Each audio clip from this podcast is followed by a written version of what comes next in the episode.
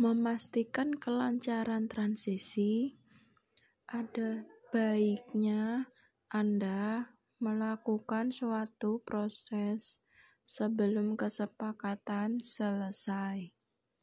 Lalu, pastikan Anda sebagai pemilik baru memiliki perasaan yang baik tentang apa yang akan terjadi pada bisnis yang Anda akuisisi setelah pemilik yang lama itu pergi.